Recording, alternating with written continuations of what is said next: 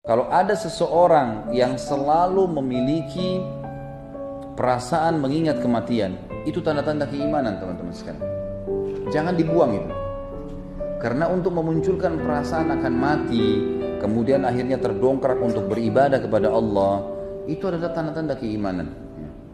Karena orang yang orang kenapa banyak orang-orang yang berfoya-foya, orang yang berbuat maksiat, kenapa mereka berani melakukannya? Karena mereka tidak berpikir akan mati. Mati itu hanya akan datang kepada orang yang memiliki keimanan. Itu sudah satu hal yang positif.